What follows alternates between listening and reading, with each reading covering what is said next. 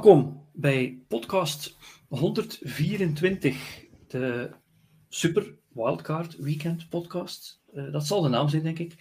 Uh, met mij vanavond heb ik uh, Dirk. Dag Dirk. Ja, ik ben een halve gast vandaag, geef ik al, al, al direct mee.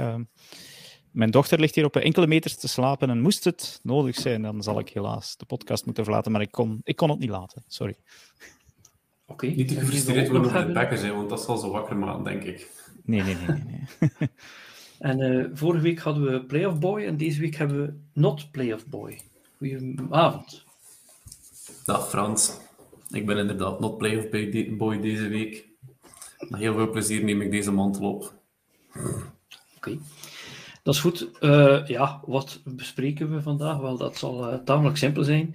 We gaan door zes wedstrijden. Uh, die krijgen elk een, uh, een, stukje in deze podcast. En we bespreken over wat er goed ging, wat er verkeerd ging en wat de gevolgen zijn.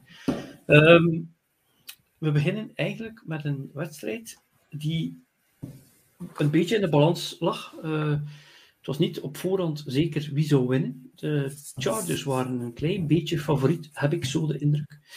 En ik wil ook iedereen die live aan het volgen is in de podcast ook uh, goedenavond wensen. Kevin, Yves, Leslie en mochten er nog mensen bij komen. Uh, zoals je weet kun je ook altijd onze podcast live volgen op YouTube en Facebook. Mochten er vragen of opmerkingen zijn, schiet maar en we proberen erop op te reageren. Dus die Chargers die waren licht uh, favoriet, kunnen we zeggen. Chargers die kwamen 27-0 voor, was 27-7 aan de rust.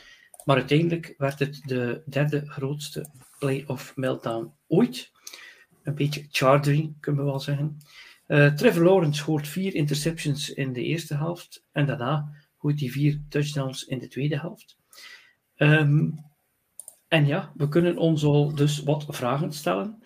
Uh, hebben de Jaguars deze wedstrijd gewonnen of hebben de Chargers deze verloren?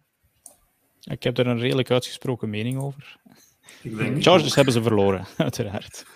Uh, en en dat, dat, dat, speelt mede nog mee wat er vorige week gebeurd is in de laatste uh, speeldag van het reguliere seizoen.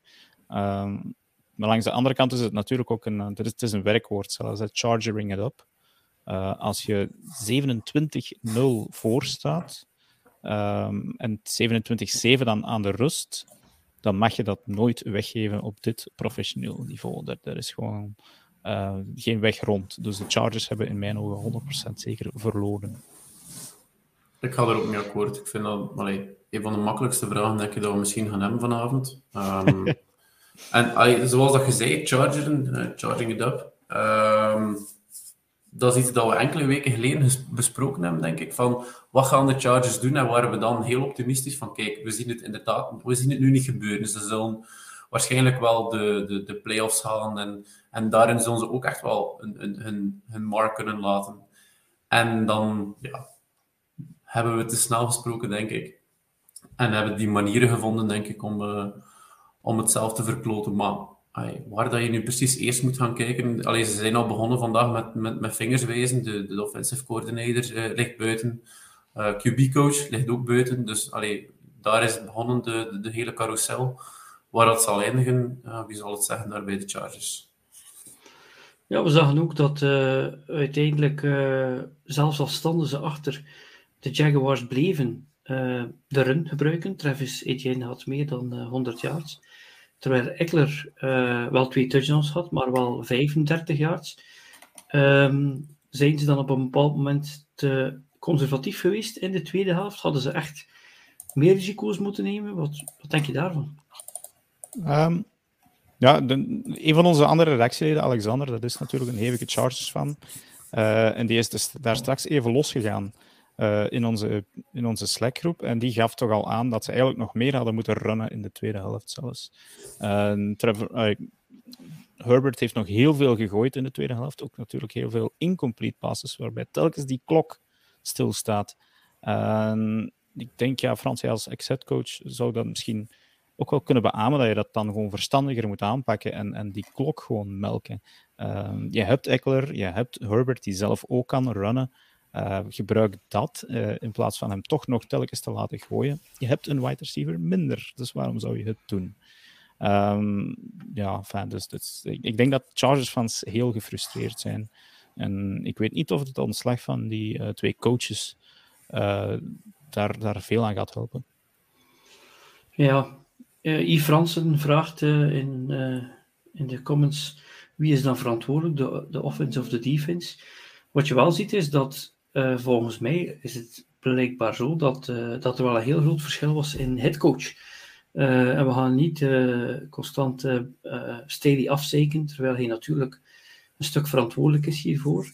Maar het gaat hier meer over Peterson. Peterson heeft er gewoon voor gezorgd om in de tweede helft ehm, gewoon quick offense, no-huddle offense, tempo erin te stoppen, zodanig dat de Chargers eigenlijk geen kans of tijd hadden om, om, om, om wissels te maken. En zo keihard ervoor te gaan. Dus ik heb wel de indruk dat dat een, een, rol heeft gespeeld. En natuurlijk, ja, hindsight is 2020, zeggen ze.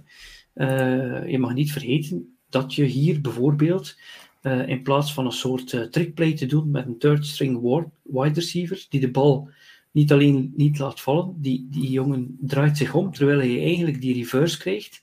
Ja, dat is een reverse die normaal naar Mike Williams gaat. En waar was Mike Williams? Wel, die uh, was, is in behandeling voor een rugblessure. En waarom heeft, is hij in behandeling voor rugblessure? Wel, omdat hij vorige week in een wedstrijd die voor niets of niemand iets ook maar telde, dat hij heeft uh, meegespeeld. Uh, grappig is dat Staley heeft gezegd dat hij zijn starters heeft laten spelen omdat hij de, geen verschil wil maken tussen de betere en de mindere spelers, omdat de mindere spelers zich daar zo do door ja, uh, minder voelen, ja. Maar dat is bullshit natuurlijk. Hè. Je hebt altijd toppers in je, in je team. En uh, is bijna niet te begrijpen. Het is echt bullshit. En het is ook niet zomaar een rugblessure. Het was een breuk in de rug. Dus uh, ik denk dat Williams het zelf ook uh, wel zal beseffen, nu dat hij daar eigenlijk niet op het veld had mogen staan. De man van de 50-50 balls. Ik denk dat Herbert die goed had kunnen gebruiken in de tweede helft. En ik denk dat we nu ook al kunnen zeggen dat, uh, dat, dat Brandon Staley volgend jaar de, de heetste stoel gaat hebben van alle headcoaches om het seizoen te starten. Want het lijkt voorlopig dat hij de dans gaat ontspringen. Alhoewel dat hij bij mij alle krediet verloren heeft, moet ik eerlijk zeggen. En ik was, Frans, je, had al, je hebt al heel vaak op hem zitten vitten. Uh, omwille van zijn fourth down calls, wat hij trouwens dit seizoen heel weinig gedaan heeft eigenlijk. Uh, dat, dat kon ik hem telkens nog een beetje vergeven, omdat sommige van, die plays dan wel lukten. Um, maar goed, het is een ehm, pijnlijk einde voor de, het Chargers-seizoen. Ja, die, de Jaguars ja, die uh, hebben drie playoff wins in de laatste vijf jaar. Klopt dit? Ja.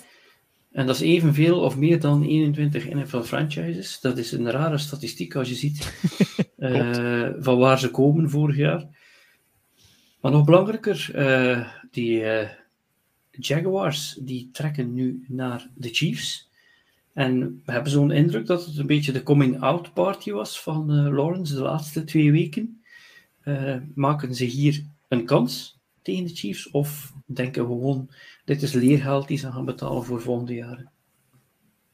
Ik denk misschien een beetje van beide. Want ik denk dat we een week geleden hadden we ook wat, allee, had ik mijn voorspelling gemaakt van wat zou er gebeuren. Um, en zaten we er niet echt op. Um, hebben we ook gezien deze week dat er heel veel upsets mogelijk zijn. De 49ers hadden het moeilijk in, in de eerste helft. Uh, de Vikings liggen eruit. Uh, daarover gaan we straks gewoon meer babbelen. De Bucks toch iets wat verrassend zo verloren. En dan heb je ja, de Jaguars die dan die second, uh, second half comeback hebben. Dus ik zou niet durven zeggen dat het, allee, dat het al over en out is. Ik denk dat die match moet gespeeld worden. Natuurlijk, het is in Kansas City. Um, helpt wel, Arrowhead zal er zeker van achter staan. Maar ik ben de odds aan het bekijken. De, de Jaguars staan aan 4,3. Ik zou nog eventueel die op durven nemen. Op de moneyline. Ja. ja. Uh, moeilijk. Ja, ik, zie, ik zie dat inderdaad de Chiefs 8,5 punt favoriet zijn. Um, dat is zeker niet overdreven. Je hebt die ervaring uh, dat de Chiefs hebben, dat de coachingstaf van de, de Chiefs hebben. Nu, Doug Peterson heeft dat ook wel. Um, maar het is in Arrowhead, het zijn de Chiefs. Uh, ze hebben een week kunnen rusten. In principe zijn de Jaguars kansloos. Ook al um, is het een soort Cinderella run nu wel aan het worden, want je kan de situatie misschien een beetje vergelijken met vorig jaar de Bengals. Die kwamen ook voor het eerst sinds een tijdje terug in de playoffs. Ook met een number one overall QB. Ehm, en toen werd hen ook weinig kansen toegedicht. Dus ja, ik, ehm, ik geef ze een waterkans, omdat ze net niets te verliezen hebben. Ehm, maar in principe is het de wedstrijd van de Chiefs om te verliezen. En, en niet die van de Jaguars om te winnen, natuurlijk. Dat zijn bijna, allee, dat zijn de gevaarlijkste matchen. Hè. Uh, voor ja, ja, ja, daarom net. Te spelen maar... die, die, die niets te verliezen heeft. Allee, ja, het, is, uh, allee, het, maar... het, is en blijft wel nog altijd een waterkansje. Maar...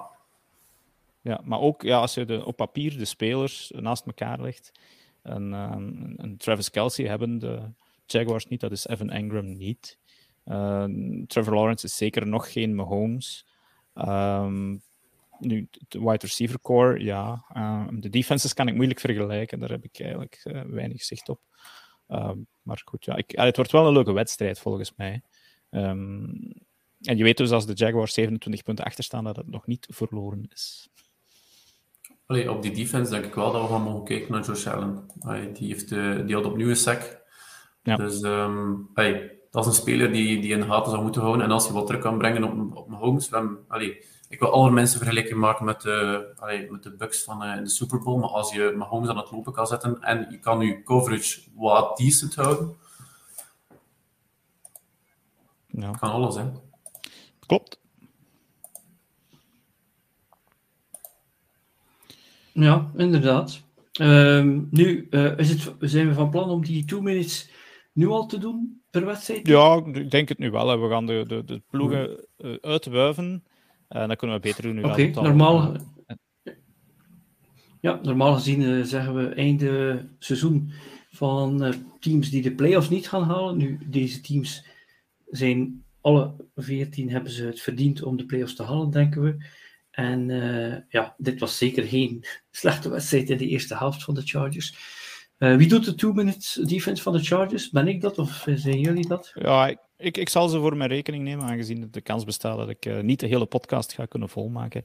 Okay. Um, en, en, en, ja, stiekem was ik natuurlijk ook uh, altijd wel fan van de Chargers, omdat ze nu eenmaal een top 5 quarterback in de NFL hebben. En die zullen ze volgend jaar ook hebben. Uh, hij heeft denk ik ook een van de beste supporting casts op offense nog altijd rondom zich, Mike Williams. Uh, die zal volgend jaar wel eens van zijn gebroken rug hersteld zijn. Die keert zeker terug, want die heeft nog een contract ook. Uh, Keenan Allen zal er nog zijn en Austin Eckler, alhoewel dat het wel stil aan die zijn laatste jaren lijken te zijn op running back, alhoewel dat hij nu al voor het tweede seizoen op rij eigenlijk ongeschonden door een seizoen gekomen is. Dus waarom geen drie seizoenen op rij? Uh, ook op defense hebben de Chargers in principe een, een sterk team staan. Uh, je hebt daar nog altijd uh, Joey Bosa, die zich nu wel dit weekend van zijn slechtste kant heeft laten zien. Um, door de referees gewoon ja, openlijk te kakken te zetten. En Khalil Mack heeft volgens mij ook nog wel een contract voor de komende jaren. Dus in principe, maar dat zijn wel enkele jaren. Dat zijn alle bouwstenen voor, uh, voorradig uh, bij de Chargers om volgend jaar terug opnieuw mee te doen uh, voor een topplaats in de playoffs. Alhoewel je nooit weet welke QB er naar Las Vegas gaat komen om in die divisie sterker te worden. Dat zou zomaar eens een, iemand zijn waar we later nog over gaan spreken. Dus ja, Chargers volgend jaar, alles kan volgens mij weer.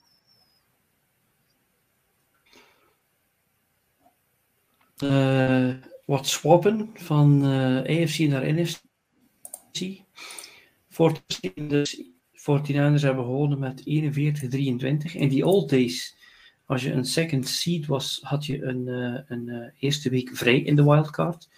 Er is altijd wat kritiek geweest dat er nu zeven teams zijn en dat er maar één een break heeft, dat die zevende het meestal niet waard is. Die Seahawks die zijn helemaal op het einde in de playoffs geraakt. Ehm, en uiteindelijk hier zitten we in dezelfde situatie. Een wedstrijd met twee gezichten.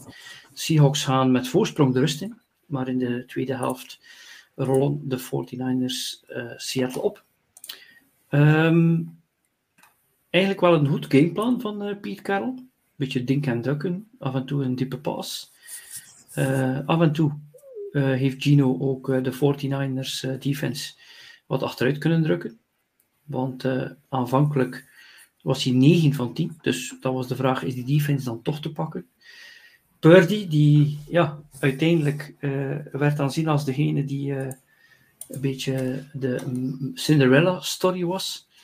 Was iets minder voor de rust, maar na de rust kwam hij er gewoon weer door. Uh, drie touchdowns, geen onderscheppingen. En dan natuurlijk, ja, zowel Debo als, als CMC. Dat was niet te stoppen. We hebben een Seahawks-fan in onze Comments, ja. Eh, Yves heeft aan, onze eerste helft was toch verrassend, en het is waar. Uh, je krijgt geen prijzen om je eerste helft, dat zie je bij de Chargers. Maar inderdaad, uh, de, de, de, Seahawks hebben dat goed gedaan. Mijn vraag naar jullie is, toen de Seahawks voorstonden aan de helft, uh, dachten jullie van het zou kunnen? Of voelde je van het is uitstel van executie? Ja, ik, ik, ik dacht dat het uitstel van executie was. Uh, met als enige onzekerheid was bij mij toen nog wel Brock Purdy. Uh, om, ik kreeg achteraf al heel veel ja, bloemen en kransen. Maar die eerste helft was niet geweldig van Brock Purdy. Um, ik denk dat, dat we dat wel gezien hebben. Frans, jullie hebben die uitzending toch becommentarieerd, denk ik ook. Hè? Op, uh, ja, ja, ja. Op 11. Dus ja, jullie hebben het ook gezien. Um, en, en het gameplan was inderdaad mooi in de eerste helft, vond ik wel, van Pete Carroll. En ik vond het verrassend. Uh, dat zij ja, telkens die, die ja, geroemde 49ers defense enkele keren gewoon heel het veld mee hebben laten oversteken. En dat je dan ook zag, uh, op een gegeven moment denk ik dat ze de tweede touchdown scoren, dat je die mannen zag staan met de handen op de heupen, zelfs één die voorovergebogen was. Uh, en, en de zwakke plek telkens op duwen. Uh, die cornerback Ward, die heeft een moeilijke avond gehad, moet ik zeggen. Want die, die kreeg daar constant een, een, een worp om de oren. En dat heeft dan ook een touchdown gekost. Dus de Seahawks hebben een, een vel heel duur verkocht. Maar je kan niet op tegen een hele wedstrijd tegen al die wapens die de, de 49ers hebben. Jens? Ik was wel even aan het... Ik zou niet denken aan de upset, maar de Seahawks speelden toch al ver boven verwachting voor mij in de eerste helft. Um, ik had niet verwacht dat ze, dat ze lang gingen meedoen in de match. Um, gewoon omdat ook... Je, je, ziet de kracht van, van, van, de, uh, van de 49ers. Ik, heb ook, uh, ik had die vraag ook gesteld tijdens de uitzending van 11. Waar, ligt deze zwakke, waar liggen de zwakke punten van deze 49ers? En het antwoord was ja, uh, Christian McCaffrey als hij geblesseerd is. Gewoon om aan te duiden, er zijn weinig zwakke plekken in die, in die ploeg. Um, dus ik was aangenaam verrast en ik had misschien ook wel gedacht dat ze gingen kunnen meegaan. Want uiteindelijk, het was, um, het was met DK dan die, die bom die Dirk uh, om een of andere reden voorspeld had in de Discord. Um, ja, die, die, die, verraste mij toch wel een, klein beetje in de zin, het, het, het kwam niet uit, uit, de lucht vallen, maar uh, je had toch wel het gevoel dat, de, allee, dat er redelijk wat nodig was voor de, allee, voor de Seahawks om te kunnen blijven meedoen in die match. En dan komt er opeens zo'n zo'n play. Um, dan allee, had ik wel het gevoel, er, er, is, er zijn die dingen mogelijk. En de 49ers met een, met een rookie QB die nog niet van op een achterstand heeft moeten spelen, Um, in de playoffs, dat zijn situaties waar je, allee, waar je wel rekening moet houden en dan ook wel kijken, ja, het is mogelijk dat Brock Purdy hier even van, van moet bekomen en als de Seahawks daarvan kunnen profiteren en, en hun aanvallen stoppen en even kunnen prikken met ja, zelfs een field goal om hem nog meer onder druk te zetten, dan zijn er altijd wel dingen mogelijk. Dus um, ja, ja maar, mag ook niet vergeten, ze gingen met een eh, positief gevoel de rust in de Seahawks ook nog. Want eigenlijk ik had de tv al niet afgezet, maar ja, ik, ik moest toch even uh, iets, iets gaan doen. Uh, en ik kom terug en ik zie plots dat de Seahawks voorstaan, terwijl dat, uh, dat ze misschien nog 40 seconden hadden of zoiets om in field goal range te geraken. En dat is dan nog gelukt. dus ja, de momentum was toch aan de kant van de Seahawks, maar zoals dat Sebastian Ringold hier in de comments zegt, het gevoel dat de 49ers op halve kracht gestart waren en de tweede helft vol gas gaven. Ja. Daar het gevaar, zit er, van. het gevaar zit er wel in van, in van op halve kracht te starten, dat je een ploeg die eigenlijk weinig kans maakt in, in, in een match, toch wel enorm veel vertrouwen heeft om, om, om die match te gaan winnen. En daar, daar was ik vooral bezorgd, om, om het zo te zeggen, dat, dat, dat, de, dat de Seahawks dat momentum gingen kunnen meenemen richting de tweede helft. Ik weet niet of dat ze kick van, uh, of dat ze mochten beginnen aan de tweede helft. Maar een ploeg vertrouwen geven in een match, zelf al uh, ben je de, is de andere zogezegd intrinsiek beter, is iets wat je best niet doet in de playoffs, zeker niet in de NFL, waar upsets ieder moment in de match kunnen gebeuren. En je, je zag, er is weinig, de, de Seahawks hadden weinig nodig om, om, om op het bord te komen. Ja, Ward was, was, was dan misschien een van de zwakkere op die dag. Als je net dat pijnpunt kan uh, opnieuw indrukken, dan, dan allee, zelfs al start je op halve kracht, dan, dan sta je nog altijd achter en koop je er zelf niets mee. Ja, ik zie ook dat uh, Leslie geeft ook aan dat ja, het blijft natuurlijk een uh, division rival game. En dat is uh, altijd wel speciaal, omdat ze elkaar, elkaars trucjes natuurlijk wel, wel kennen. En Yves gaf ook aan dat er een geweldige foto was pre-game die ik gedeeld had. En dat was natuurlijk met een Seahawks shirt en een gold jacket van de 49ers. Ik heb ongeveer van elk team wel iets liggen. Dus dat was duidelijk om te tonen dat ik geen voorkeur had. Die 49ers die moeten nu tegen de Cowboys. Is dat een haalbare kaart? Of gaan we ervan uit dat de 49ers de favoriet zijn? En, en hoe kunnen ze het binnenhalen? Ik denk dat na de match van, van afgelopen nacht ben ik iets minder ervan overtuigd dat de 49ers zullen weglopen in de match. Ze zijn wel nog altijd favoriet, maar ik ben wel benieuwd naar de, naar Cowboys. Allee, ze zijn beter dan gedacht. Allee, in mijn ogen dan in de playoffs heb toch wel wat indruk gemaakt. dat Prescott heeft enorm goed gespeeld, maar dat is allemaal voor straks. Maar allee, de 49ers zullen niet op een loren kunnen rusten als ze dat al gedaan hebben in deze match. Ze zullen, um, ze zullen wel stevig moeten beginnen en het volhouden. En hopen dat Ward niet, niet, geen zwakke momenten heeft zoals vorige week tegen de Seahawks. Hmm. Ja, dus uh, dat betekent dat de Seahawks eruit zijn. Uh, dat had eigenlijk vorige week al gekund, maar toen uh, hadden ze gewonnen in overtuiging tegen de Rams en gingen de Packers onderuit tegen de Lions. Seahawks two-minute defense, wie, wie heeft dat gekozen? Er, um, ik ga er nog eentje doen. Um, okay. um, er zijn ook heel wat Seahawks-fans in onze Discord-groep en onze Slack-groepen, de fantasy-groepen. Dus ik heb al, al, we hebben al heel veel mogen horen en lezen van de Seahawks-fans. En bijna iedereen is eigenlijk wel redelijk positief, moet ik zeggen. Ik hoor weinig negatieve klanken. En het grote positieve punt is natuurlijk Geno Smith geweest dit jaar. En die heeft volgens mij in deze laatste wedstrijd uh, in de playoffs nu ook zijn contract voor volgend jaar verdiend.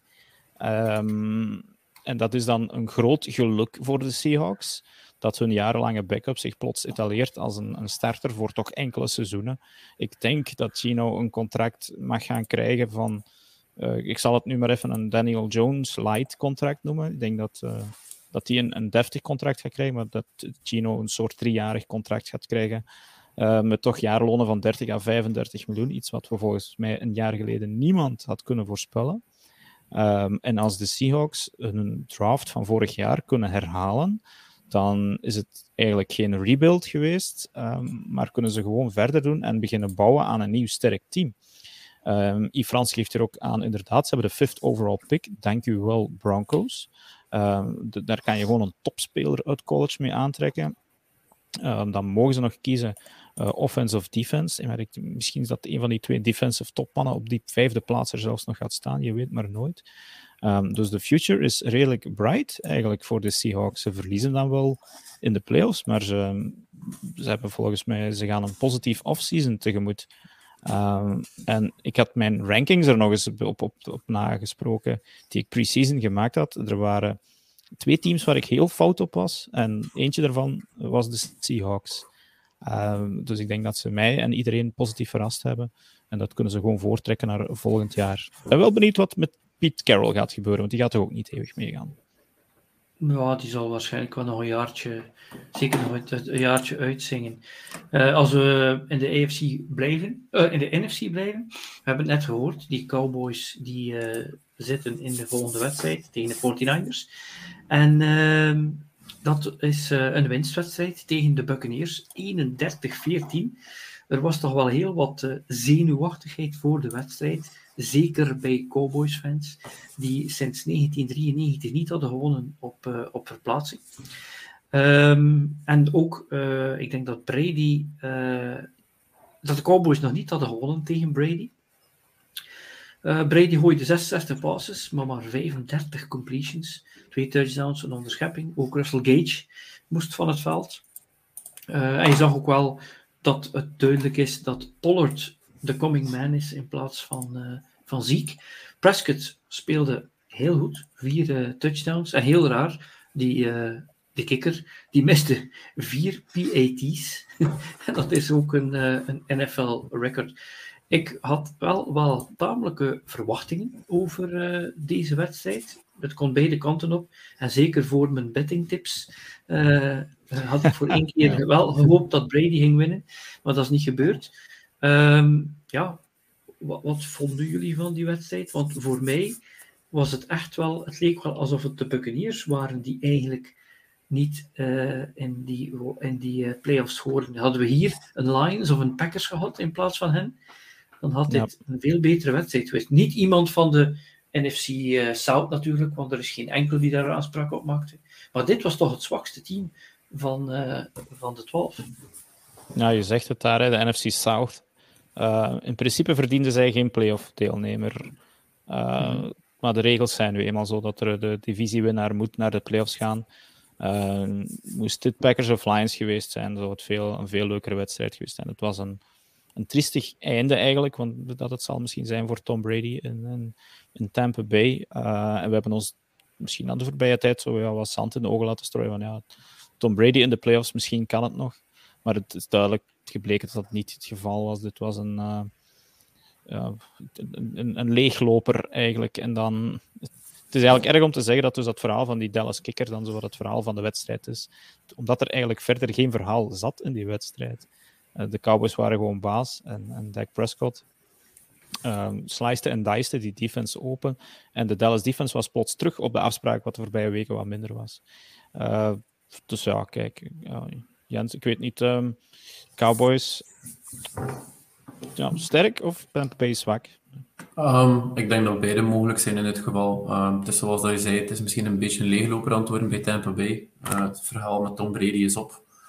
Uh, in het seizoen zelf hadden we ook al dat gevoel dat, dat, dit jaar niet het jaar ging zijn, eventueel van de Bucks. Maar natuurlijk, playoff Brady is een Brady dat, dat je altijd rekening mee moet houden. Maar ik denk dat dit de eerste keer is dat een ploeg met vertrouwen kon starten tegen een, eh, een aanval van Brady.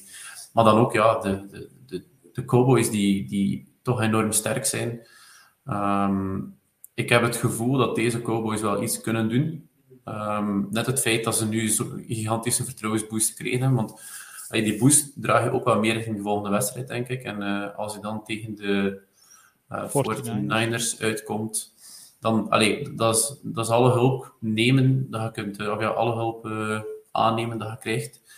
Uh, dus de tellen, ja, tellen die ook gewoon sterk was. En ik als Vikings-fan denk, denk vaak terug aan die match waar dat de Vikings uh, niet op de afspraak waren thuis tegen de Cowboys. Was ik ook wel onder de indruk van, uh, van de Cowboys. Je, kan verliezen, je kan zwaar verliezen. Maar als je dan ziet eigenlijk hoe sterk dat die Cowboys waren. Um, en dat hebben ze gisteravond ook weer getoond.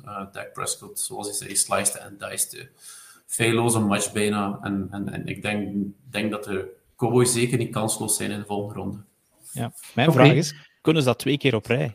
Dat is dit seizoen nog niet altijd het geval geweest.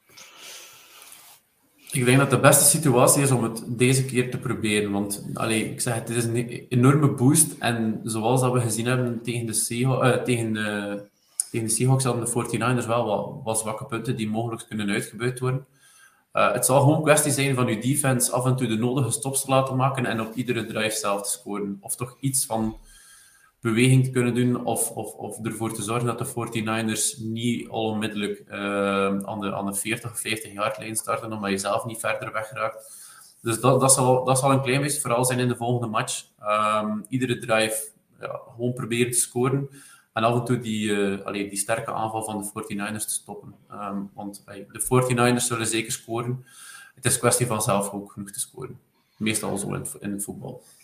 Oké, wat uh, de two-minute defense voor uh, de Bucks betreft, ja, de vraag is, is dit het einde van Brady? Hij gaf in de persconferentie een soort cryptische omschrijving waarvan jij niet kan uitmaken als hij stopt met voetbal of als hij stopt bij de Buccaneers. Blijkbaar zijn er nog altijd teams die geïnteresseerd zijn uh, in hem. Um, het was een uitstekende keuze van de Bucks om hem een paar jaar geleden binnen te halen. Bij, vorig jaar zat hij ook heel dicht om toch weer naar de Super Bowl te gaan. Dat is iets dat veel mensen vergeten, dat het niet veel scheelde tegen de Rams. Um, je ziet eigenlijk wel dat, dat dat team, ik denk dat die coach zo slecht niet, over die offensive coordinator kan er wel nog door. Um, maar iedereen begint wel wat ouder te worden, de skillplayers. Uh, de defense die kan zijn mannetje wel een beetje staan, want je hebt gezien, uh, de Bucks hebben af en toe gewonnen met een hele lage score, maar dat wil ook zeggen dat ze niet zoveel punten tegenkrijgen. Maar de vraag is nu natuurlijk, wat, gaan die, uh, wat gaat dat team doen? Wordt dat, gaan ze met uh, Kyle Trask aan boord? Of, of gaan ze een full rebuild doen? Komt er dan toch nog een quarterback? Ze hebben daar niet moeten over, over nadenken, omdat ze, natuurlijk, omdat ze natuurlijk Brady hadden. Dus, en nu is het helemaal anders. Dan moet je echt wel misschien aan de toekomst beginnen denken. Ik kan alleen maar hopen voor de Bucks dat Brady Howe beslist, zodanig dat ze ofwel uh, nog een jaartje met hem kunnen voortdoen en daar rondbouwen en dan misschien zoeken naar een uh, opvolger, of dat ze eigenlijk al onmiddellijker kunnen invliegen. Um, goed, Dirk, blijf jij nog even bij of ben je, is dit je laatste ik ga vertrekken. Ik heb uh, okay. jullie nog een half uurtje gezelschap kunnen houden en het was mij alweer een genoegen. Um, okay. Maar de familiale duty called hier nu even. Oké, okay, maar dat is goed. Nu, ik zelf heb hier een uh, computer die wat lastig doet, dus mijn gezicht is niet meer te zien op YouTube. Maar uh, de, ja, dan, dan kunnen uh, mannen die samen met hun vrouwen kijken, die kunnen dan ook gewoon blij zijn dat ik die vrouwen niet kan proberen te verleiden via die weg. Dus dat zal alleen maar helpen. Uh, ik zie je lachen, uh, Jens. Goed, uh, het, lachen zal ons, het lachen zal ons nu vlug vergaan, want we gaan spreken over Playoff Boy en Not Playoff Boy. Vorige week was ik de Playoff Boy. Mijn Dolphins die hadden met wat geluk uiteindelijk op het einde toch nog backed into de playoffs. En ik heb die wedstrijd ook gedaan op 11, samen met Jurgen. Uh, mensen weten dat wij Dolphins-fans zijn en eigenlijk hebben ze daar de laatste twintig jaar weinig last van gehad. Dat wij en commentator of analist waren en voor de Dolphins waren, want we toonden weinig Dolphins-wedstrijden of we zaten praktisch nooit in de playoffs of weinig. Um, die wedstrijd, uh, wij hebben eigenlijk uh, af en toe met open mond zitten kijken. Het was niet de walkover die iedereen verwacht had. Bills wonnen 34-31. Ik denk dat de spread 14 was. Uh, Dolphins, heel weinig offense, 230 yards maar. Ehm, maar wat er gebeurde is dat Josh Allen, interceptions, fumbles. Skyler Thompson, één touchdown, twee interceptions. De vraag is, kan je meer verwachten van een third string, seventh round pick? En dan zag je ook wel dat er wat penalties waren, maar zeker ook uh, uh, hoe dus de coach omging met de klok en met uh, ja, delay of game en, en, en, en zo, zulke soort situaties. Um, Dolphins weer geen running game. Ja, dan is het moeilijk om te winnen.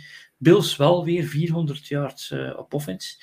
Dix en Davis, uh, die Davis, dat is telkens in de playoffs, lijkt die dan, als hij al een paar weken onder een steen zit, dan komt hij daar natuurlijk naar boven.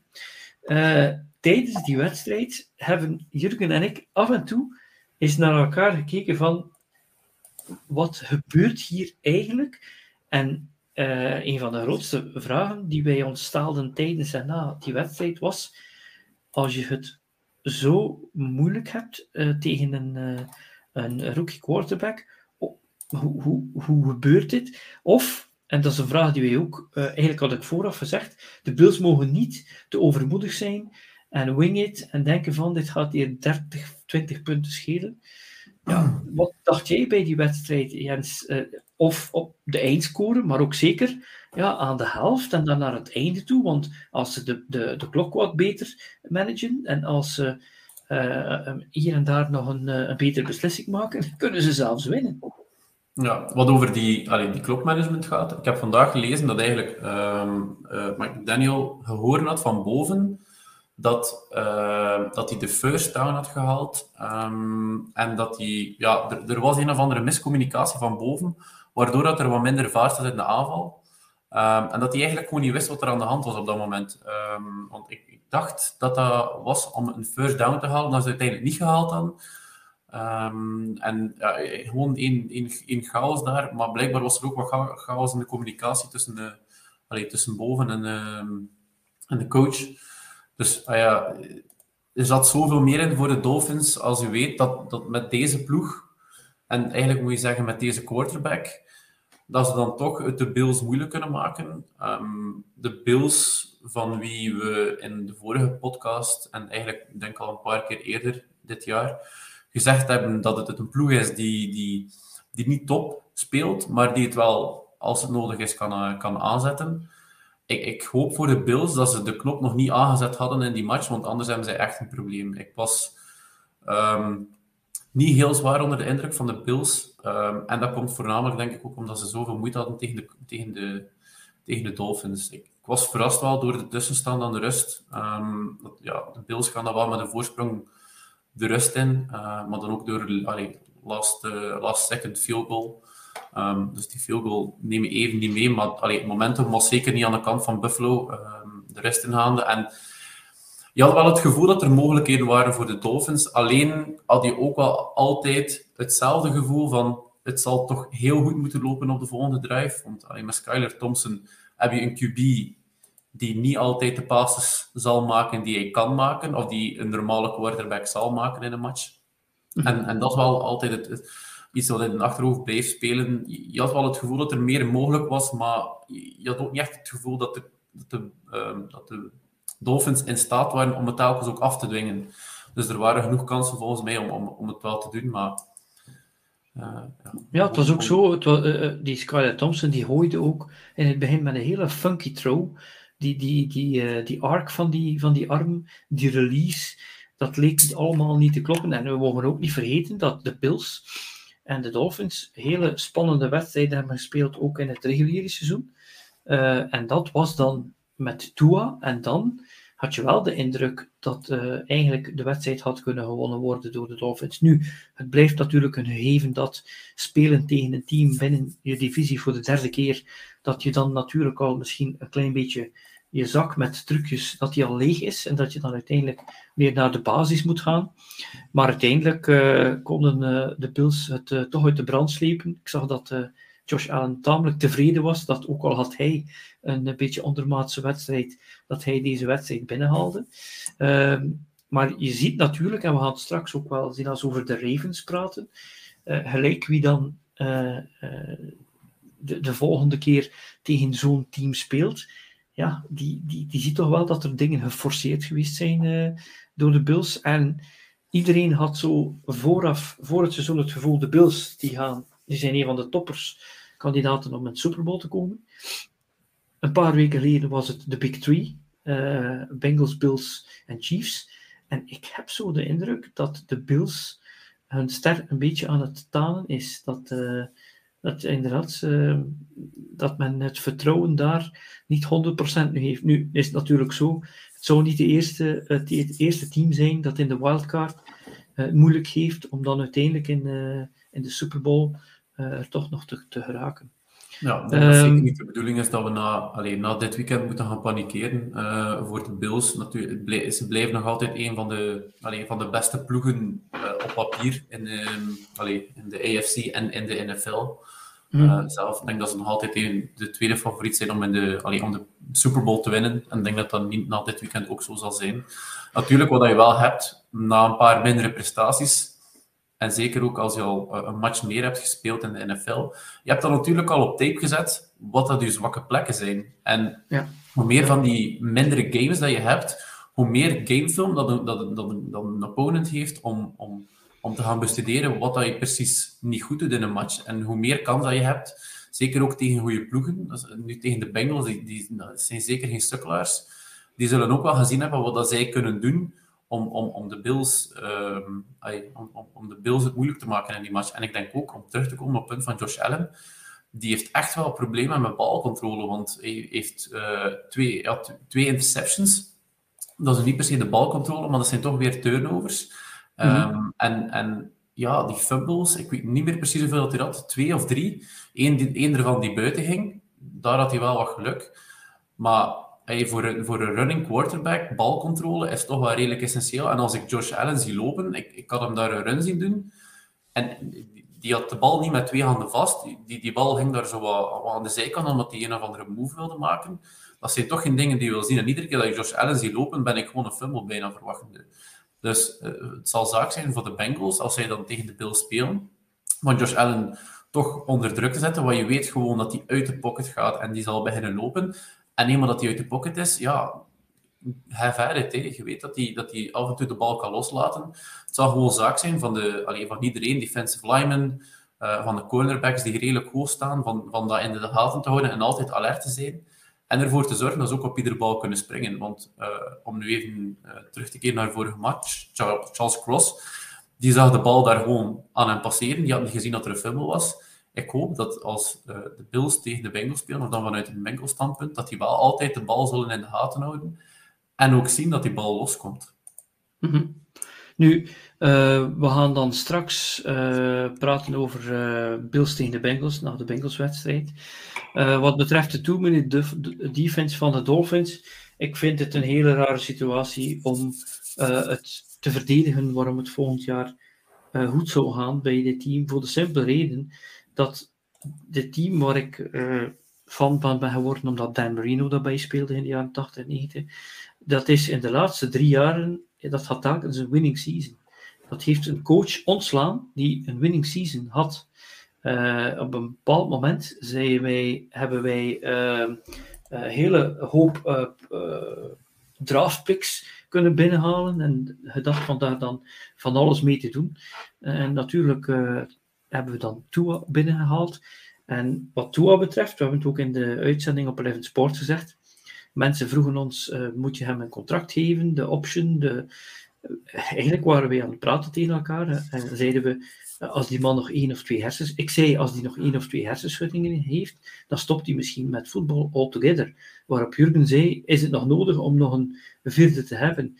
Dus ja, als je natuurlijk naar je toekomst toe niet echt goed weet wie nu je quarterback gaat worden, uh, Bridgewater is ook niet echt uh, de oplossing.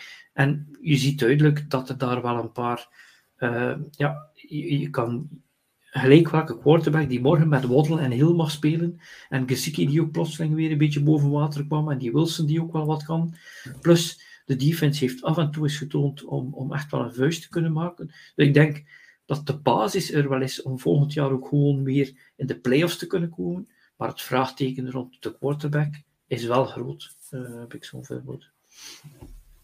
Ik denk nu wel niet dat je de... Ja, sorry dat we nog even verder babbelen over de Dolphins. Ik weet dat het een, een, een, eh, een zuur eh, onderwerp is voor jou. Maar ik denk nu wel niet... Oké, okay, je moet rekening houden met het feit dat hij al, al die, die concussions heeft gehad. Maar ik denk wel dat je nog altijd vanuit een, een franchise-perspectief dat je wel nog altijd hem een contract kan geven. En het zal misschien niet het vet betaalde contract zijn, want ik denk dat je dat zeker ook kan vermelden aan, aan Tua. Uh, van kijk, dit is de situatie. Ik denk niet dat hij de... Uh, om over quarterbacks te spreken, Lamar Jackson contract kan krijgen als die de, allee, de markt op gaat. Maar die is zeker wel nog vatbaar voor een nieuw contract. En ik denk niet dat de Dolphins daar echt mee moeten gaan inzetten. Maak het gewoon geen, geen vierjaren contract of, of maak het uh, um, een contract dat zeer veel cap neemt in beginjaren en minder in de volgende jaren. Dat als er toch iets gebeurt, dat die dead cap minder is. Dus ik denk dat er ook wel wat creatieve oplossingen zijn om dat contractprobleem om toe aan te pakken. Mm. Ja, ja, we, zullen zien. Uh, ik, ik, ja, ik, ik ben niet, uh, ja, ik ben niet echt erg optimistisch. Het team in zijn geheel, de jonge coach, dat, dat, dat zie ik wel zitten. Maar ja, als je, als je niet geen zekerheid hebt rond je quarterback, en zeker niet in de AFC, waar zoveel goede quarterbacks zitten, dat is het probleem. Um, voor we jou uh, next shot geven, gaan we eerst naar de Bengals uh, Ravens. Dan kun je Bengals... tot einde daarmee. Ja, Bengals hebben met uh, 24-17 gewonnen. Uh, ook hier niet te verwachten walkover. Um, eh, toch wel een hekke scoring play in, in, in een playoff. quarterback sneak. Quarterback Huntley springt over de lijn. de bal wordt uit zijn handen geslaan en wordt teruggelopen door een defensive line met 98 yards of iets meer. Um, ja, uiteindelijk is het wel zo, iedereen zei altijd, Huntley is de, de poor, man, poor man's Lamar Jackson, maar speelt eigenlijk een uitstekende wedstrijd. Ehm, ja, de vraag die men natuurlijk stelt is, zouden de Ravens gewonnen hebben met Lamar Jackson? Ik zou, ik zou niet onmiddellijk ja durven zeggen, want het zou eens kunnen zijn dat, er dan, dat het dan ook een volledig andere wedstrijd is en een andere playcalling.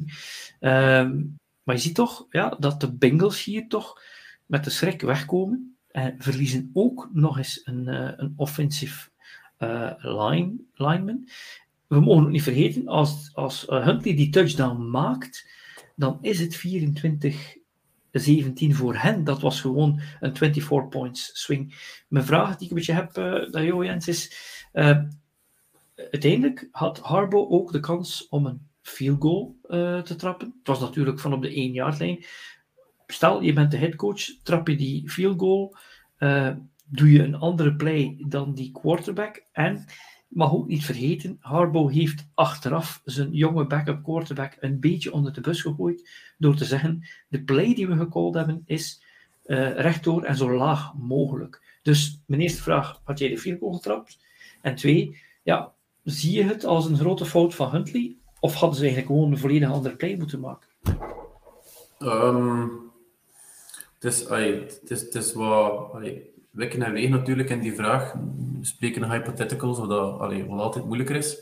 Um, maar ik denk in dat geval, als je de kans hebt, red zone, paar yards, ga ervoor. Um, het ergste wat er kan gebeuren is dat er een turnover on downs is. En dan heb je ze vastgezet in een eigen 2 jaar lijn of een eigen 1 jaar lijn. Allee, op dat vlak, ik zou er altijd voor gaan. Natuurlijk, we zitten in de playoffs. Iedere score telt, zelfs drie punten. Kan je er ook wel van zeggen, ga voor de field goal. Ik denk dat je argumenten hebt aan de beide kanten. Um, dus ik, ik, misschien als coach ging ook wel ervoor gegaan zijn. Het is, allee, als ik met, een deep play zou kunnen doen, ik doe het. Um, quarterback sneak heeft altijd wel wat kans op een quarterback run, want het was wel, nog wel nog iets langer dan één jaar, denk ik. Maar dan allee, over de play zelf. Als je die play dan called, mag dan ook dat die heel goed uitgevoerd is, wat in dit geval niet echt het geval was. Um, Ik had niet het gevoel dat er enorm veel balcontrole was van Huntley zijn kant. Ik had het gevoel dat het een bal was die doemd was om, om gewoon losgeslaan te worden. Dus ik, ik denk niet dat, dat, je daar kan spreken over een perfecte uitvoering. Uh, zeker niet aan, het feit dat hij dan nog wordt teruggelopen. Um, ja, misschien een andere quarterback zal er met een andere, allez, op een andere manier mee, mee, omgaan. Denk als je de Lamar Jackson zet, dat hij dat wel binnen kan lopen. Uh, Huntley misschien net niet. Het is, het en wegen, maar um, ik ga voor de, allez, ik ga voor, uh, voor, de, voor de touchdown, maar ik voer het niet op die manier uit. Oké, wat je ook wel ziet is dat uh, ja, je kunt toch wel het gevoel hebben dat er daar een beetje dissension is in dat team. Want wat zie je? mensen zeggen openlijk, we hadden gewonnen met Lamar. De coach zegt openlijk, de, de quarterback voert niet uit wat, wat, we, wat we hadden uh, wat afgesproken. Um, en daarboven had de, zei de Dobbins zei dan ook nog, ja, ze hadden gewoon de bal aan mij moeten geven. Dat zijn zo van die dingen. Dus natuurlijk, na zo'n verloren wedstrijd voel je je natuurlijk wel wat uh, down en zuur. En, maar het kan toch niet zijn dat je, als die wedstrijd gedaan is, dat iedereen van headcoach tot, tot uh, spelers, tot uh, running back, dat die dan plotseling heel dat teamconcept laten vallen om daar elkaar onder de bus te gooien. Um, nu, de Bengals, wat, wat ik daar eigenlijk over denk, over Bengals tegen Bills, ik vind, ik ga ook nog eventjes zeggen, die drie punten, dat is dan nog iets dat bij de Ravens dan een rol heeft gespeeld. Als je die drie punten, als je daar niet voor had in een playoff wedstrijd, met een score die eigenlijk niemand had verwacht in de vierde quarter, geef je ook eigenlijk toe dat je ofwel je defense niet vertrouwt, of dat je gewoon denkt van die Burrow, ja, die kan gewoon op ieder moment van uh, het, op ieder plaats van het veld, op ieder moment van de wedstrijd nog ons pijn doen. Dus ik denk ook wel dat er hier wel heel veel ja, onder, er, zal hier, er zullen hier wat uh, groepsgesprekken met een psycholoog moeten uh, gebeuren, heb ik zo het gevoel. Denk het ook. Ik denk dat dat het beste zal zijn. Ja, wat, wat ik natuurlijk het gevoel heb, is dat je eigenlijk twee teams hebt die bij die top 3 hoorden van de EFC en misschien top 3 van de NFL. die nu als een beetje een soort wounded ducks limpen in de volgende wedstrijd, die allebei net hebben gewonnen tegen een backup quarterback. Die uh, Bills speelde niet zo vlot, die Bengals, dat ging niet zoals ze wilden. Bills ligt favoriet. Is dat zo? Hoe zie jij dat volgende week? Wie, wie gaat er eigenlijk met de beste papieren die wedstrijd in? Um, ik denk ik denk niet dat we kunnen spreken over de beste papieren, want uiteindelijk dit, dit is niet het, scenario dat beide ploegen voor, uh, voor zich hadden, uh, hadden voorgesteld. Dus ik denk dat je met twee ploegen zitten die, die nu een klein beetje, ik zal niet zeggen gewonnen lijken, maar ik denk dat de fanbases naar de match gaan gaan en toch wel zullen onthouden dat, er, dat het enorm moeilijk was in die, in die overwinning. Um, ik denk wel uh, dat de Bills hier nog steeds favoriet zijn, alhoewel dat de spread minder groot is um, dan ik hem eigenlijk allee, zou geven. Want ik zie hier op, uh, op de betting site dat die 5 is. Ik zou dat misschien wat korter bij elkaar zetten. Eerder dan 2, misschien 3 nog maximum, maar geen 5. Dus ik denk dat het verschil tussen beide teams niet zo groot is. Wel de Bills favoriet. Um, maar het zal zaak zijn van de, van, van de, van de ploeg die, die het snelst ervan kan bekomen. Want uiteindelijk, ze hebben wel een place waaraan dat ze zich kunnen optrekken, maar de voorbereiding is niet, is niet ideaal. Ik denk dat de coaching daar ook wel zou moeten op spreken van kijk, het was niet goed, maar we hebben wel nog tijd genoeg uh, om, om, om die verbeteringen aan te brengen. Je je hebt nu een week om alles opnieuw te herbekijken. Ik denk dat beide ploegen wel zullen bezig zijn met, met de fouten op te lossen. Um, dus ja, het zal, een close match worden volgens mij. Ik zie de, ik zie de Bills het wel wegtrekken, alhoewel het interessant is om misschien alleen nu al over betting te spreken, maar om, uh, op de Bengals in te zetten. Ja, het enige nadeel dat we natuurlijk hebben is, de, de, de 49ers die komen nu wel naar boven als echt wel een force, maar er was een, een, beetje een sprake van ja, dat misschien de drie beste teams elkaar gaan elimineren om dan maar één in de Super Bowl te hebben. Maar dat is dan wat het is. De AFC is, uh, is tamelijk sterk. Nu, die Ravens, die zijn er dus ook uit. Ja, die two-minute defense voor de Ravens, uh, dat gaat natuurlijk vooral rond Lamar Jackson gaan, vermoed ik, of niet? Uh, ja, alles, alles staat en valt eigenlijk met Lamar. Um, want nu, nu, nu heb je eigenlijk zo gezegd een extra running back on the roster met, met. Dus uh, dat is eigenlijk al iets dat je minder dat je moet bekijken. Maar wat, wat doe je met Lamar? Hè? Uh, hoe, wat contract geef je hem als u hem überhaupt één heeft? Ik heb, ik heb iets gehoord in de regionen van, van een 40 miljoen per jaar, dan eventueel voor een zes jaar. Um, maar dan, allee, je bent ook niet verplicht om die een contract te geven, want je hebt altijd de franchise tag die je kan gebruiken. Je kan Lamar taggen, natuurlijk, het is niet de meest ideale situatie, maar het is, een, allee, het is, het is even een tussentijdse oplossing. En dan kan je ook nog beslissen of je die gaat treden. Um, dus er zijn wel wat opties rond Lamar. Ik denk wel dat ze hem zullen extenden, dat ze, dat ze iets van oplossing zullen uh, vinden. En dan is het kwestie van, van te kijken naar de rest van het roster. Ze hebben wel wat cap room. Uh, alleen moeten we eerst nog wel wat zien wat er met ook Smith zijn contract gebeurt, want daarvan zijn de details nog niet 100% bekend. Maar ik denk dat die de, de vijfde of de zesde meeste uh, caproom hebben uit de NFL. En dan zijn er ook wel nog wat, wat, vragen over de verdediging die, die volgens mij moeten beantwoord worden. Uh, wat doe je met Marcus Peters? Uh, die heeft geen topjaar achter de rug, maar die komt wel in aanmerking voor een verlenging. Hij zit ook met een secondary die, die, die wel wat hulp kan gebruiken. Um, er zijn redelijk wat van de starters die, die, die naar free agency gaan. Um, ik denk wel dat het restricted free agency, of het is zelfs unrestricted free agency, Um, dus je, zit er wel met een, met een paar vraagtekens. Ik denk dat je vooral in de draft moet gaan kijken naar de, naar de secondary, om die te gaan versterken. Alhoewel er ook wel mooie stukken aanwezig zijn. Ik denk Kyle, uh, Kyle Hamilton, Marlon Humphrey, um, Marcus Williams zijn toch wel solide uh, dudes die daar staan, die ook nog voor een paar jaar onder contract liggen. Dus het zijn ook wel positieve stukken, maar natuurlijk, als je dan ziet dat, het, dat de ploeg elkaar onder de bus begint te smeten, denk ik dat de, de, de, de cap situation een van de problemen is dat je moet gaan oplossen, maar ook de team situation. Ja, als je, ook ziet dat de Ravens toch op eigenlijk ja, een beetje een uh, ja, stille manier in de playoffs zijn gekomen, ook al hadden ze al een maand hun starting quarterback niet, dan moet je er toch wel van uitgaan dat dat een team is die dan op de basisdingen wel goed is. En als er dan een goede quarterback is, is het Lamar of een andere, dan uh, dat kan dan zeker... Uh, Lamar vertegenwoordigt ook zichzelf.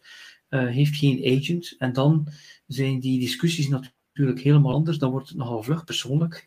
Terwijl je met een agent, dan kan je natuurlijk iemand tussen hebben die misschien een beetje de zaken kan, kan masseren. Goed, we zijn aan de laatste wedstrijd gekomen van Super Wild Card Weekend. Ehm, de die uh, verloren 31-24 van de Giants. Ik zie dat Dirk in de rundown Vikings gewonnen heeft gegeven. Misschien was dat nog eventjes om, uh, om jou nog een uh, hart onder de riem te steken. Ik denk het ook. het was een upset. Ja, het was een upset, dat kunnen we wel zeggen. de Giants die kwamen sowieso wel met wat vertrouwen in de playoffs, hadden ook hun starters kunnen laten rusten voor de Vikings was het op het einde niet altijd uh, vlekkeloos verlopen. Um, die Vikings hadden ook heel veel one-score games gewonnen. Dat was ook zo voor de Giants, moet er wel bij zijn. Uh, vraag is voor jou, ja, verliezen de defense, verliest de, de, de Vikings defense de wedstrijd? Of is het de Giants die het winnen omdat uh, Danny Dimes en Saquon zo goed speelden? Um, het, het, is ook een, een klein beetje combinatie van factoren, maar ik denk dat je niet ervan onderuit kan dat dit de slechtste defense is die Vikings in jaren heeft gehad. Die, allee, die hield niets tegen. Um, ik heb het nog gezegd in de Discord, het is een Super Bowl offense en een tank job defense. Um, de, de, de scheme is ofwel niet correct, of hebben, geen, uh, hebben niet juist personeel ervoor, spelen in een 3-4 verdediging, die, die maar de helft van de keren werkt. Het is het is allemaal te doorzichtig. Iedereen weet precies wat hij moet doen. On-offense, het is alsof uh, Dable daar een, daar een cheatcode had vooraf. En dat hij eigenlijk een, een examen aan het uh, afnemen was, waarvan hij antwoorden al, al, wist. Dat, dat gevoel had ik. Maar natuurlijk speel je dan ook tegen een, tegen mm -hmm. een ploeg die met vertrouwen start, die een goede coach heeft. Ja, en Danny Dimes, uh, die, die, heeft het op een lopen gezet, het heeft gewerkt. De Vikings waren daar ook al enorm kwetsbaar tegen. Ik denk nu terug aan de, aan, aan de Eagles game met Jalen Hurts, die, die kon lopen waar hij wil. Daniel Jones zal waarschijnlijk gekeken hebben naar die match en, en gezien hebben dat er mogelijkheden lagen. Saquon Barkley, ja, een van de uitblinkers toch wel, allee, de tweede misschien uitblinker van de, van de Giants. De Giants hebben een, een heel volwassen match gespeeld, zijn nooit... Um, nooit de zotte dingen beginnen doen. Die hadden altijd wel allee, controle over de match. De Vikings hadden er nooit in. Dus die hebben echt gewoon de match bijna afgewerkt als een, als, ja, als een ploeg die, die, die al een paar keer in de playoffs had, gezeten. En um, ik denk Giants-fans hebben ook wel reden, ik zal niet zeggen om optimistisch te zijn na de volgende match, maar ze zijn nog iets minder kansloos tegen de Eagles dan dat ze vooraf uh, allee, zouden geacht zijn. Ja, wat je ook zag toen wij de voorbeschouwing van de wedstrijd, wat was een hele rare wedstrijd voor ons om uit te zenden op Eleven Sports. Want die Bills, uh, die Bills Dolphins wedstrijd, die duurde zo lang dat jullie wedstrijd werd uitgesteld. Uh, waardoor we eigenlijk in de wedstrijd kwamen nadat uh, de Vikings al een eerste score hadden gemaakt. En het gevoel dat we hadden voor de wedstrijd, dat ik als analist wel aangaf, was: kijk, die defense, die offense van de Vikings die gaan scoren. En die offense van de Giants die gaan ook scoren. Die defense van de Giants heeft een paar sterke punten. En ook, uh, ze hadden ook een Dory Jackson terug, als ik me niet vergis. En dat is een euro in de pot. Ja. Um, maar de defense van de Vikings, ja, die had niet echt uh, blijk gegeven van een vuist te kunnen maken. En dat was een beetje de Achillespees. En dan zag je ook dat Justin Jefferson, misschien door de halftime adjustments, na de rust niet meer in een stuk voorkwam. Uh, ze kregen hem gewoon niet meer uh, betrokken. Dat vond ik wel raar. Ik weet niet hoe jij dat ervaarde, want dan zie je plotseling dat een van je beste spelers de bal niet meer krijgt. Dat moet toch frustrerend zijn? Um, dat is aan de ene kant frustrerend, maar uh, volgens mij altijd een van de sterktes van deze offense geweest in, bij de Vikings is, die bestaat uit meer dan enkel Justin Jefferson. En TJ Hawkinson heeft nu die rol perfect vervuld. Uh, die had 130 yards in de match. Um, dus die heeft wel een klein beetje die rol overgenomen. En Justin Jefferson zegt het ook altijd um, in de pressconferences tijdens het seizoen. Het feit dat hij zelf veel aandacht krijgt, opent veel kansen voor de andere mensen. En dan, dan spreek je over Hawkinson, dan spreek je over KJ Osborne, die, die, die toch echt wel die, die, die tweede wide receiver rol perfect aan het vervullen is, terwijl hij als derde wide receiver gestart is heb je Adam Thielen, die eigenlijk nog altijd op ieder moment van de, van de match een play kan maken, ook op zijn leeftijd. Die, die, die begint toch wel ouder te worden. Dus het feit dat Jefferson uit de match wordt gehouden, is voor mij niet altijd een, iets dat, dat mij gaat doen panikeren, maar ik weet dat we wel de, de, de, stukjes hebben om, om dat verlies op te vangen. Nu, net het geval, de Giants speelden het perfect. Die, die hebben er bijna altijd voor gezorgd dat Kirk Cousins oftewel de bal moest rushen. Um, dat hij de bal ja, in, een, in een window moest, moest smeten waar dat er amper plaats was. Dus ook een klein beetje daar eh, moeten we toch wel krediet geven aan de, allee, aan de Giants. Allee, toch eigenlijk bijna vooral krediet geven aan de Giants. Die hebben gewoon Kirk Cousins bijna platgelegd um, in, op de momenten wanneer het moest. En ik denk dat het beste voorbeeld daarvan nog de laatste play is van de match waar de Vikings op 4 en 8 ervoor moeten gaan. Um, allee, fourth en long, dat, dat is sowieso wel een moeilijke situatie, maar je bent verplicht ervoor voor te gaan. En dan smijt hij een checkdown naar, naar Hawkinson. Um, veel mensen begrijpen het niet, ik begrijp het ook niet, maar ik heb de redenering gehoord van Cousins. Um, die zei dat er enorm veel druk naar hem aan het komen was. Dat hij, allee, dat hij zag dat er iedereen bijna vast staat. En dat hij dan gewoon zegt: Ik vertrouw mijn receiver. Allee, mijn tight end in dit geval, ik smijt hem naar Hawkinson. En wie weet gebeurt er iets, maar allee, de, de, de, de Giants stonden gewoon kort erop. En, en ja, maar dat is, dat is niet. Oké, maar dat is niet heel eerlijk. Hè? Ik bedoel. Nee, want ze smeten hem normaal zien naar Jefferson. Nee, je zou dan, je zou dan beter gewoon zorgen dat tien man uh, jou beschermen en dat je gewoon hem hoog gooit naar Jefferson. Dan heb je een meer kans dan dit soort shenanigans natuurlijk. Hè. Maar de vraag is ehm, natuurlijk, hoe desperate ben je? Want het is voor de night, maar je bent niet verplicht om een heel Mary te gaan smijten. Dus, nee, nee, dat niet. maar ja, je, maar je kunt wel ervoor zorgen dat je meer bescherming hebt. Ja, dat, dat natuurlijk. En. Bescherming is altijd wel een probleem geweest voor de Vikings, want een starting right tackle, Brian O'Neill, was oud. Die, die, die, die heeft een, uh, knieblessure, die bleef nog even oud.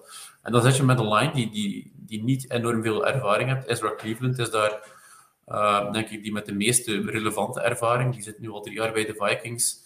Uh, Bradbury zit er ook met vier, maar dan up en down. Dus je zit niet met de beste O-line. Um, en, en dan moet je eigenlijk gaan tegen een ploeg spelen die die enorm veel vertrouwen heeft en die ook wel de, stukken heeft om defense, om, allee, om, om offensive line moeilijk te maken. Allee, zit met Kevin Thibodeau. Iedereen uh, allee, zou bang worden van die mens, denk ik, als je, als je hem zou zien. Ja, um, nu, mm, wat we nu hebben is de, de Giants. Die gaan nu met wat vertrouwen uh, naar de Eagles. Uh, Eagles, waar ze eigenlijk op het einde, ja, mensen zeggen ze hadden op het einde nog een kans met hun backups tegen de Eagles, die speelden voor die number one seed. Dat was niet echt zo, dat was een beetje uh, scheef getrokken op het einde. Maar kom, ze hebben met hun backups wel nog tamelijk goed gespeeld. En ze hebben eigenlijk twee receivers waar niemand ooit van gehoord had voor het, voor begin van het seizoen, die nu toch wel degelijk open zijn en kunnen spelen. Uh, maken die Giants een, kans tegen de, uh, de Eagles? Zeker mocht uh, Hurt niet, niet 100% zijn? Ik denk dat de Jaguars meer kans maken tegen de Chiefs dan dat de Giants kans maken tegen de Eagles. Um, je speelt tegen een ploeg die, die doorheen heel het seizoen op één of twee keer na getoond heeft dat het praktisch de beste ploeg is uit de league. Um, toch de ploeg waar je het meeste bang van moet hebben als je ziet welke wapens dat je daar hebt. En zelfs een Hurts die niet 100% top is, is nog altijd denk ik beter dan de meeste quarterbacks in dit jaar. Ik spreek niet over het algemeen, maar dit jaar toch. Um, het, zal het, allee, het zal zaak zijn van, allee, voor de Giants om, om, om defense alles gesloten te houden.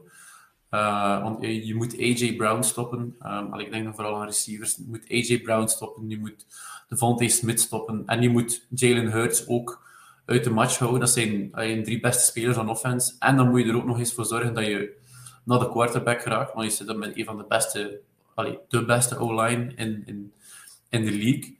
Maar ik denk wel dat er uh, voor de Giants op on, offense wel wat kansen kunnen liggen. En ze kunnen wel wat, allee, wat gaan proberen, ook met Danny Dimes, die, die nodig vertrouwen heeft, met Saquon Barkley die, die, die terug speelt als de speler die we vroeger gezien hebben en, en de beste running back bijna was uit de league.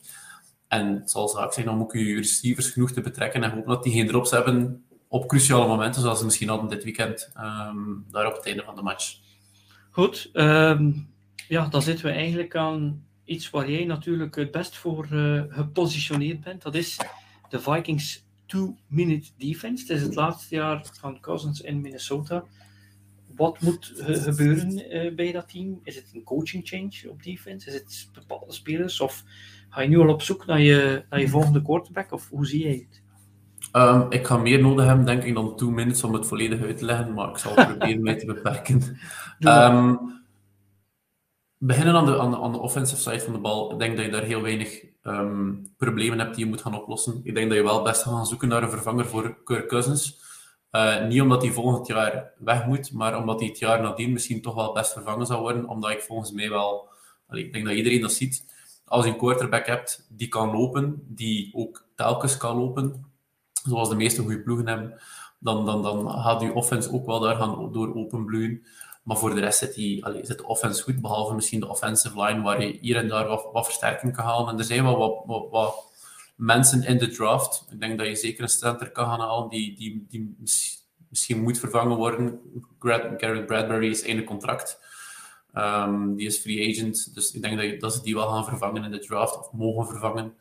Maar ik denk dat we meest van al tijd moeten spenderen hier aan de, aan de defensive, want daar klopt het volledig niet. Ik denk Ed Donatel, de defensive coordinator, zal mogen vertrekken. Zeker na deze non-match in de playoffs.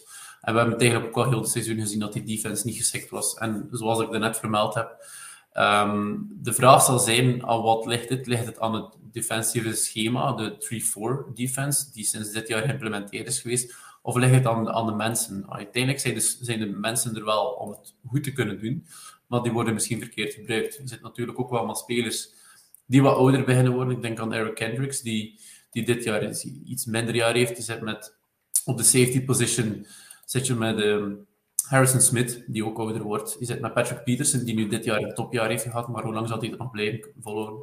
Dus in de draft zal het gewoon zaak zijn van die defensieve posities te gaan aanvullen.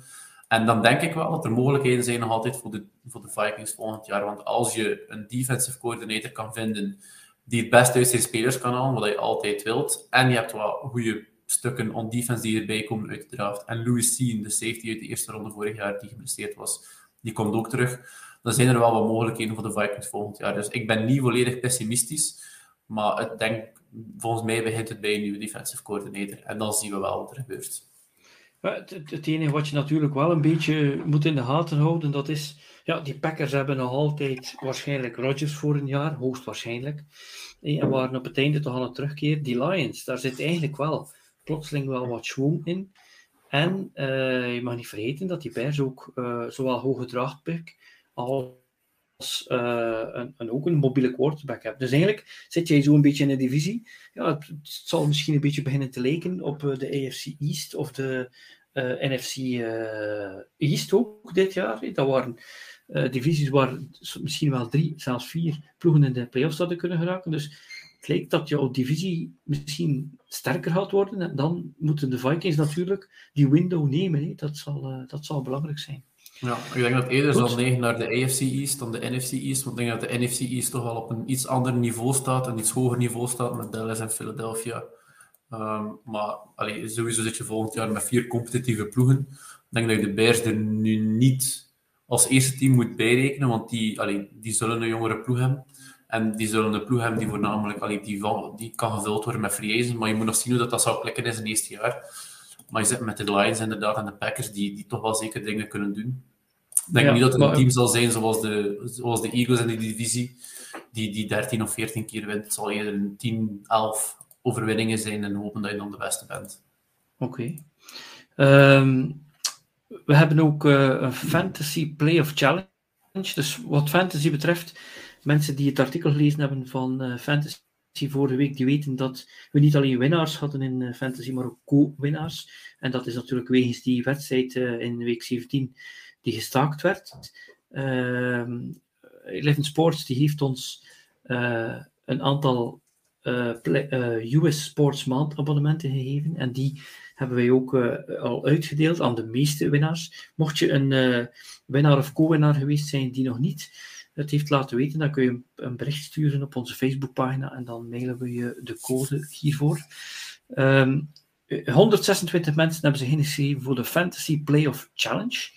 En uh, daar waren 126 mensen die daar een poging doen om een, ik denk een NFL Game Shirt te winnen. we proberen daar aan te geraken. Uh, staat aan de kop, dat is iemand ook van onze EFCB-redactie. maar, maar, natuurlijk, er zijn ook veel mensen die Kansas City en of de Eagles hebben genomen en die hebben dubbele punten volgende week, dus er, kun, er kan daar nog veel gebeuren.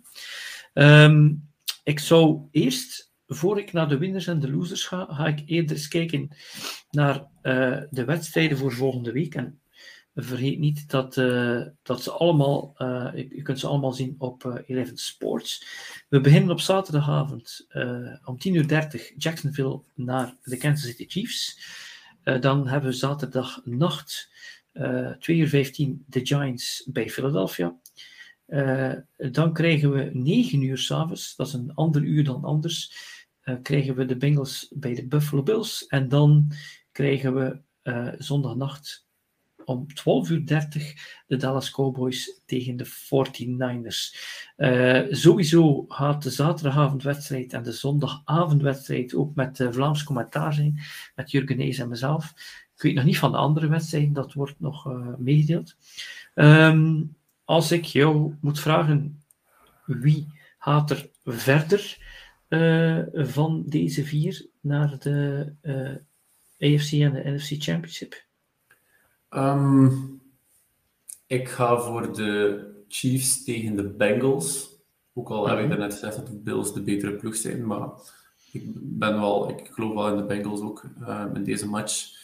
En dan zeg ik de Eagles tegen de 49ers zijn twee, twee beste ploegen, denk ik, uit de NFC. Die zullen tussen elkaar uitvechten in de volgende ronde. Ja, wel, ik denk dat het inderdaad wel de Chiefs zullen zijn. Ik heb zo het vermoeden dat de Bengals een klein beetje overmoedig gaan zijn als ze zien hoe moeilijk de Bills het gehad hebben. Dus ik vermoed, volgens mij zal het de Bills zijn. En dan uh, kan het wel eens zijn dat het sprookje van de Giants over is en Philadelphia inderdaad goed uitgerust deze wedstrijd kan winnen. En bij Dallas San Francisco had ik tot voor uh, gisteren gezegd uh, dat zijn zeker de 49ers. Maar ik, de, de, Cowboys zullen misschien wel een vuist maken, maar ik denk ook dat het de, de 49ers zullen zijn. waar we we hebben ook onze bettingtips, die moet je zeker ook eens bekijken. Het was geen zo'n goede week. Want uiteindelijk ja, zijn er een paar verrassingen geweest, zeker naar spreads toe, die ons de das hebben omgedaan.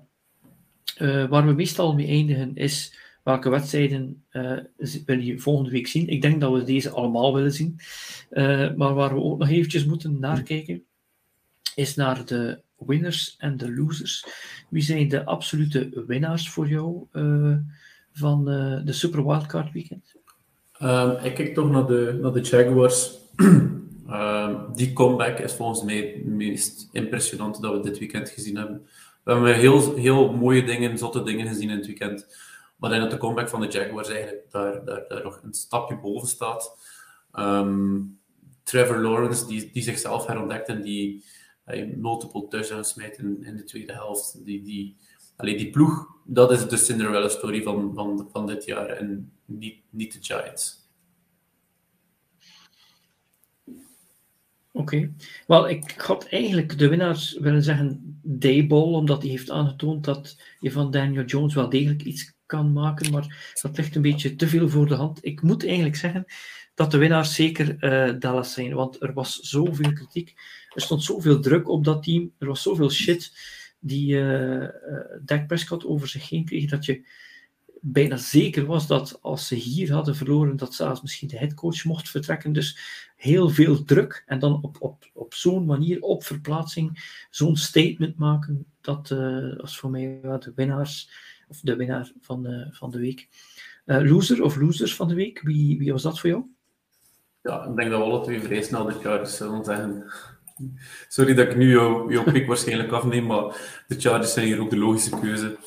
Um, de manier dat die ook het, de wedstrijd het handen geven. Het, kun, het kan eigenlijk ook bijna alleen maar de Chargers overkomen. Dus ja, spreken van een verrassing totaal wel, maar spreken van een verrassing dat met de Chargers gebeurt misschien net niet. Maar allee, de manier dat je een match in de playoffs die je altijd 100% gefocust moet aanpakken, dan toch zo uit handen kan geven in, in een tweede helft. Um, Oké, okay, je speelt wel in Jacksonville. het thuispubliek kan er misschien nog gaan achter staan, maar bij, bij, die, tussenstand zal het thuispubliek misschien ook al gedacht hebben van dit is hier gedaan en we zullen misschien nog voor het willen vertrekken naar huis. Wel, ja, eh, voor mij, ik, eh, ik heb het al, het is niet de eerste keer dat ik eh, dezelfde loser zeg. Niet omdat hij een loser is, maar Herbert is de loser omdat hij uh, moet spelen voor, uh, voor Staley en voor Lombardi. En dat ze die jongens zijn talenten vo volledig aan het uh, verkwisten zijn. daar moet zo gauw mogelijk iets gebeuren. Dat ze Staley nog een jaar geven met een andere offensive coordinator, dat is dan fijn. Maar Staley heeft. wat, wat het is, is Staley gedraagt zich alsof hij Belichick, alsof is, die al 15 jaar coacht en het zich kan permitteren om alleen maar zijn zin te doen. Hij zal eerst moeten uh, wat resultaten kunnen neerzetten en ervoor zorgen dat hij, uh, uh, dat hij die top quarterback volledig tot ja, volledig wasdom kan laten komen en dat gebeurt niet. Dus ik moet eigenlijk wel spijtig genoeg je bijtreden dat dit de, de loser van de week is. Um, wel, als u daar nog even op mag inpikken, het maakt wel de meest interessante job volgens mij in de NFL. Want de volgende offensive coordinator en QB-coach die daar aan de slag gaat, kan gaan werken met een top 5 QB voor de komende jaren. Um, Herbert zal blijven meespelen. Dus dat is een job die zeer geheerd zal zijn en waar dat je volgens mij ook wel een, een, een goede persoon voor kan gaan interviewen. De Chargers zijn eigenlijk in de luxe positie nu.